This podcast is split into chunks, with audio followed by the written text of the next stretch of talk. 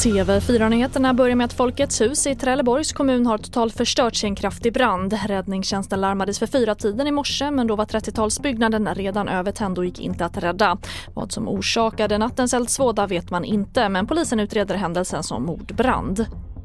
Och idag väntas demonstrationer mot vaccinbevisen i Stockholm och Göteborg men även på flera andra håll i världen. Och till följd av det kommer flera vaccinationsmottagningar i centrala Stockholm att hålla stängt för att undvika större folksamlingar, det skriver Aftonbladet. 18 000 har anmält sig till demonstrationen men polisen räknar med klart färre och har gett tillstånd för 3 000 personer. Felix Andåker, polisen i Stockholm.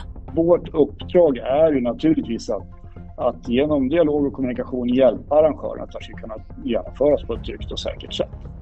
Eh, skulle det sen då eh, uppstå några ordningsstörningar, eh, svårare sådana, eller om det begås brott, ja då kommer vi naturligtvis ingripa mot det.